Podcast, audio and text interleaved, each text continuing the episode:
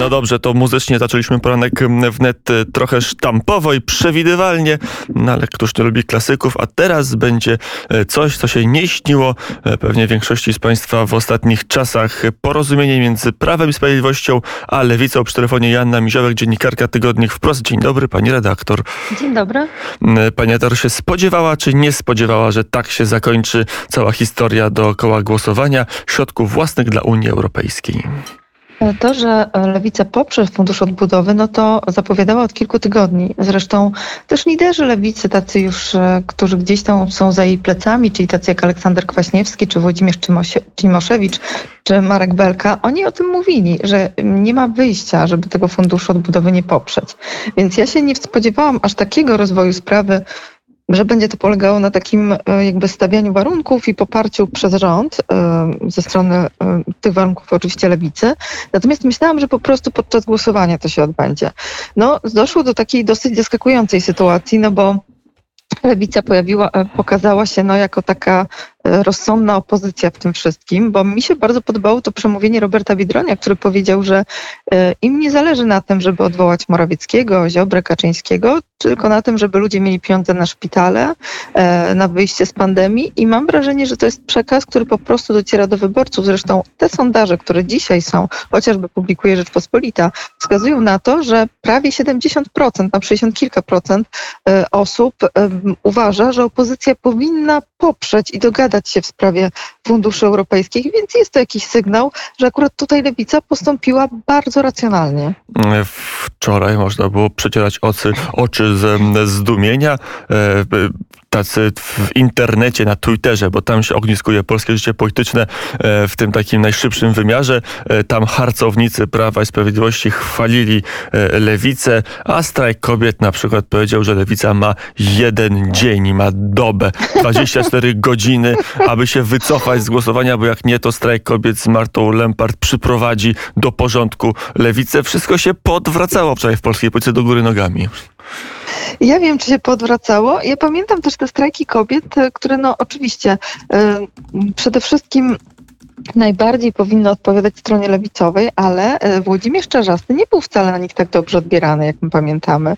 E, w ogóle politycy byli średnio odbierani na tych strajkach, bo Marta Lempart e, sobie bardziej chciała chyba taki, taki zrobić swój własny projekt w tym wszystkim i mam wrażenie, że tutaj takiego dużego zaskoczenia nie ma, no bo ona też dawała, zdaje się, chyba 7 dni na to, żeby rząd się podał do tej misji i spe, jej postulaty spełnił. No, to jest w tym wszystkim też trochę smutne, dlatego że absolutnie moim zdaniem uzasadniony postulat, który wyciągały kobiety przeciwko zaostrzeniu ustawy aborcyjnej, zmienił się w coś takiego za pomocą Marty Lempart, że trochę zaczyna się zmieniać w komedię o farsę. To znaczy to, co e, robi, te wszystkie postulaty, które Marta Lempart zgłasza i chociażby straszenie lewicy, bo rozumiem, że tam jakaś ustawka miałaby się szykować z Włodzimierzem Czarzastym, no to rzeczywiście pokazuje, jak mało też ten strajk kobiet z tej polityki rozumie, bo przecież negocjacje dotyczyły konkretnych rzeczy. E, takie, jak ja wczoraj nawet oglądałam rozmowę z Aleksandrem Kwaśniewskim i tutaj Monika Olejnik wystosowująca, no jak mogła ta lewica takie rzeczy robić w momencie, kiedy Prawo i Sprawiedliwość e, zaostrza ustawę aborcyjną i tak dalej, i tak dalej. No przecież nie tego dotyczyła ta sprawa. E, oni dali warunki takie, jakie mogli postawić wobec Funduszu Odbudowy. Nie mogli postawić tam warunku, macie tutaj przy okazji dokument i wycofujcie się z zaostrzenia ustawy aborcyjnej. E, no, gra się tak, jak gracz na to pozwala i tutaj akurat Włodzimierz Czarzasty okazał się dosyć zręcznym, mam wrażenie, takim rozgrywającym. Chociaż w, tej sam, w tym samym wywiadzie ja wczoraj rzeczywiście Państwu tego nie zalecam do końca, bo można robić ciekawe ciekawsze rzeczy wieczorem po południu niż oglądać TVN i TVP Info i Polsat News. Chociaż jak ktoś lubi, tak jak ja, to przecież może. No, oglądałem wszystkie te trzy stacje niemalże jednocześnie. To nie jest proste. I w TVN-ie był taki jasny front od 18 do 20.30, który w zasadzie polegał na atakowaniu lewicy. TVN to nie jest zwyczajna stacja informacyjna, to jest stacja, która chyba ma swoją agendę, ma swoje poglądy, może ma nawet swoją politykę i ją realizuje i tu widać widać, że e, dziennikarze tej stacji wyraźnie stanęli po stronie Platformy, a przeciwko, czyli za twardym kursem przeciwko rządowi, nawet przeciwko, jeżeli to ma oznaczać przeciwko Unii Europejskiej, a krytykowali lewicę, która się w imię ich proeuropejskości dogadała z rządem. No tak, ale ja tak wczoraj nie oglądałam za bardzo telewizji, tylko zwróciłam uwagę na ten program, no ale TVP znowu stanęło po drugiej stronie, To e, prawda. tylko i w ogóle chwaląc, więc e, tutaj jeśli chodzi o polityczność, to obie te strony są siebie warte. Natomiast e, no, jest to taki e, dosyć duży moim zdaniem kłopot najbardziej chyba w tym wszystkim dla Koalicji Obywatelskiej Platformy, no bo nie dość, że wyciągane są starsze wypowiedzi, w których to jak Katarzyna Lubnauer, Borys Budka mówili o tych polexitach, w których to oni mówili o tym, że musi rząd Prawa i Sprawiedliwości poprzeć fundusze europejskie jeszcze na szczycie e, europejskim w grudniu, no to dzisiaj w tej sytuacji oni pokazują bardzo dużą niekonsekwencję, no bo przecież te wszystkie setki będą im wyciągane i co? I oni dzisiaj z jakim przekazem trochę idą do swojego wyborcy? Ja uważam, że oni się bardzo nieroztropnie zachowali, bo mieli czas, żeby negocjować.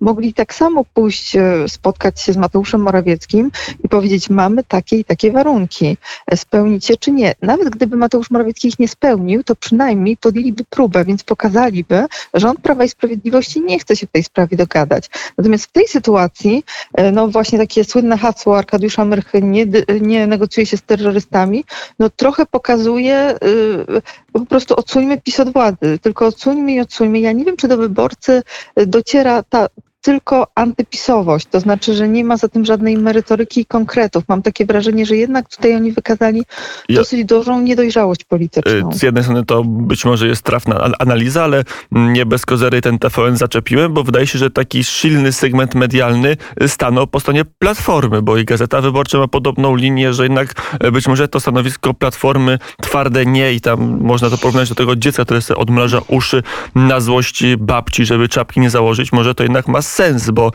bo, bo zaplecze medialne raczej poparło Borysa Budkę niż y, Czarzastego czy Zandberga. No tak, tylko um, czy dzisiaj partia polityczna powinna e, jakby być zakładnikiem zaplecza medialnego? To jest problem Platformy e, już od momentu, kiedy ona te wybory zaczęła przegrywać, że ona się strasznie boi. A co tam napisze Gazeta Wyborcza, a co tam powie TVN? Ja nawet rozmawiałam Pani redaktor, Platforma najbardziej się boi tego, co napisze tygodnik wprost. A dokładnie pani redaktor w rubryce Niedyskrecje parlamentarne, przynajmniej tak to wynika z reakcji polityków tej partii. O, dziękuję serdecznie. Myślę, że to bardzo miłe. W każdym razie e, to też tak nie powinno być, że oni e, stoją na takim stanowisku. e, kiedyś jeden z ze znanych polityków Platformy mi powiedział, że to jest właśnie dla nich zgubne. To znaczy za każdym razem, kiedy oni się dostosowują swoją strategię, a nawet odwołują lidera, bo w przypadku Grzegorza Schetyny to właśnie było takie poczucie, że oni odwołali lidera e, swojej partii, dlatego że media coraz mocniej go atakowały. I nie chodziło tutaj wcale o tych działaczy, bo działacze gdzieś tam w terenie, oni oglądają telewizję, czytają gazety.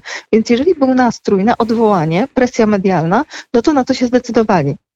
Więc tutaj ta platforma nie do końca mądrze robi. Ona powinna po prostu realizować swoją agendę, no nie oglądając się trochę na tych swoich mądrych publicystów z Newsweeka, e, czy z TVN24, czy gdziekolwiek, tylko po prostu realizować e, rozsądną politykę, tylko że tam nie ma nikogo rozsądnego dzisiaj, kto byłby na czele. To znaczy Borys Budka nie jest politykiem doświadczonym. On e, w tej polityce też nie jest aż tak długo i nie potrafi sobie we własnym regionie poradzić, żeby potrafić podejmować aż takie strategiczne decyzje. No bo zobaczmy, jednak e, w tej lewicy no, Włodzimierz Czarzasty jest doświadczonym politykiem za plecami. Chociaż E, pamiętajmy, miał- że to jest jego pierwsza kadencja poselska. Mało kto w to wierzy, ale tak jest. Tak, no ale e, zawsze koło tej polityki gdzieś tam był. E, Może nawet w W- ważniejszych miejscach niż Sejm. Dokładnie tak. I jeśli, jeśli chodzi też o telewizję, też w wielu miejscach, więc nauczył się tych rozgrywek partyjnych. Zresztą on, tak jak mówił Aleksander Kwaśniewski w ostatnim wywiadzie, kilka tygodni temu spotkał się z Aleksandrem Kwaśniewskim. Oni rozmawiali o tej strategii, jaką mają przyjąć, więc jednak nie bał się słuchać od siebie, powiedzmy, bardziej doświadczonych ludzi, którzy zajmowali jakieś stanowiska. Zresztą e, w tej rozmowie też Aleksander Kwaśniewski mówi o tym, że on jako człowiek, który no, jak on się nazywa, tyle zrobił dla Unii Europejskiej, czułby się e, po prostu nielojalnie, jeżeli namawiałby do tego, żeby nie popierać funduszu odbudowy, że e, to było bardzo złe dla Polaków. Więc myślę, że mimo tego, tego ataku zmasowanego, który dzisiaj ze strony Platformy i komentatorów na lewicę, to uważam, że ona w tym wszystkim będzie wygrana, bo nie liczy się moim zdaniem kreacja, jaką zrobi jakieś otoczenie medialne, tylko to, co pomyślą ludzie. A myślę, że ludzie będą bardziej nastawiali się na to, żeby szybko wyjść z kryzysu, żeby dostać pieniądze. To jest troszeczkę tak, jak było w przypadku, pamiętamy, 500. Platforma Obywatelska ustami Jacka Rostowskiego mówiła, pieniędzy nie ma i nie będzie. No i raptem te pieniądze się znalazły, no i ludzie poczuli takie małe zdziwienie. Czyli co, Platforma by nie dała, PiS dało. Dzisiaj jest trochę podobnie z tymi funduszami, czyli co, Platforma by wstrzymała, a PiS daje te fundusze. Zaraz zacznie się akcja narracyjna Prawa i Sprawiedliwości, będą jeździć po powiatach, będą jeździć i będą pokazywać e, te swoje tabele odnośnie tego, ile pieniędzy dostanie Polska, e, no i wywoływać do tablicy posłów e, Platformy w tych regionach i mówić, czyli wy jesteście przeciw. Mm, To jeszcze zapytajmy, no ja zapytam, a pani to odpowie, redaktor Joanna Miziołek przy telefonie, na kluczowe pytanie, bo to się wczoraj pojawiało w, w analizach tego, co się stało i w ocenach, m, że ta decyzja i takie rozegranie opozycji przez Kaczyńskiego, że lewica wchodzi jako konstruktywna, bo od tego naszą rozmowę zaczęliśmy, opozycja Platformy jako opozycja totalna, czy to jest istotny kryzys dla Platformy, czy to może być wydarzenie, które spowoduje, że część konserwatystów pójdzie do PSL-u i, i że ta partia zacznie się rozłazić w, w szwach jeszcze szybciej niż do tej pory? Ja myślę, że to może być istotne, jeśli chodzi o przywództwo obecnego szefa Platformy. Wczoraj w, e, Grzegorz Schetyna nawet mówił o tych wyborach jesiennych, wskazując, że generalnie to będą wybory, jeśli chodzi o władzę e, partii, trochę sugerując, że przy okazji można by zrobić te wybory, jeśli chodzi o nowego przewodniczącego. No, pozycja na pewno jest słabsza teraz, bo e, Platforma Obywatelska znalazła się w klinczu. Pewnie decydujące będą też kolejne dni, czy poparcie Platformie nie spadnie. Bo jeżeli Platformie poparcie zacznie przez taką decyzję spadać, no to też będzie pewien sygnał. No już jeden taki dosyć duży polityczny błąd wcześniej popełnił e, Borys Budka, e, decydując się na to, żeby e, wspierać ten pomysł, dogadując się z Ryszardem Terleckim odnośnie podwyżek dla parlamentarzystów. E, To było bardzo też nieroztropne politycznie. No i dzisiaj to jest mam wrażenie, że jeszcze większy błąd. To znaczy, bo w tej sytuacji Platforma Obywatelska, no co zrobi? Ona ostatecznie bo będzie musiała poprzeć ten fundusz odbudowy, bo co? Stanie w jednym szeregu z Ziobro, z Konfederacją, co będzie polexitem. Wyobraźmy sobie sytuację, w której właśnie Unia Europejska, e, europejscy politycy na stanowiskach zaczynają naciskać, mówią, no to jak, to wasza proeuropejska opozycja nie chce wspierać pieniędzy, przecież te pieniądze trzeba przyjąć, przecież czekają na nie biedne kraje południa. Ja w ogóle y, wszystko bym rozumiała, tylko po prostu nie to, że tam nie ma planu. Mam takie wrażenie, że trochę taka niedojrzałość polityczna, którą my jako dziennikarze polityczni widzieliśmy od początku, y, albo raczej na samym początku już tego nowego kierownictwa Platformy, że oni nie do końca wiedzą, jak to wszystko rozegrać. Teraz trochę wyszła na wierzch, to znaczy widać, że tam y, oni nie, nie potrafią prowadzić tej polityki. Oni ją prowadzą y, też przez te konferencje. Cały czas Borys Budka prowadzi zyliard konferencji, z których zupełnie nic nie wynika i w, w tym każdej konferencji pada słowa a to PiS, a to PiS, a to PiS. Polityki się w ten sposób nie prowadzi. Polityki prowadzi się w gabinetach, w kuluarach, a tego tam zupełnie nie ma. Tam jest twardy opór. No i zobaczymy, czy to e, koniec końców e, nie skróci kadencji Borysa Budki na fotelu szefa Platformy. Joanna Misiewek, Tygodnik Wprost, była gościem poranka wnet. Dziękuję, Dziękuję pani bardzo. redaktor. Bardzo. Ja mam takie marzenie, że kiedyś zobaczę panią redaktor w studio, bo te telefony to już zaczynają mnie Jak się zaszczepimy. jak się zaszczepimy, bo to po pierwsze czysta przyjemność, a po drugie e, już telefony mm, zaczynają mnie męczyć. Panie redaktor, dziękuję bardzo za rozmowę. Dziękuję bardzo. Do usłyszenia 7.33. Telefony to teraz Grzegorz Ciechowski, Zespół Republika.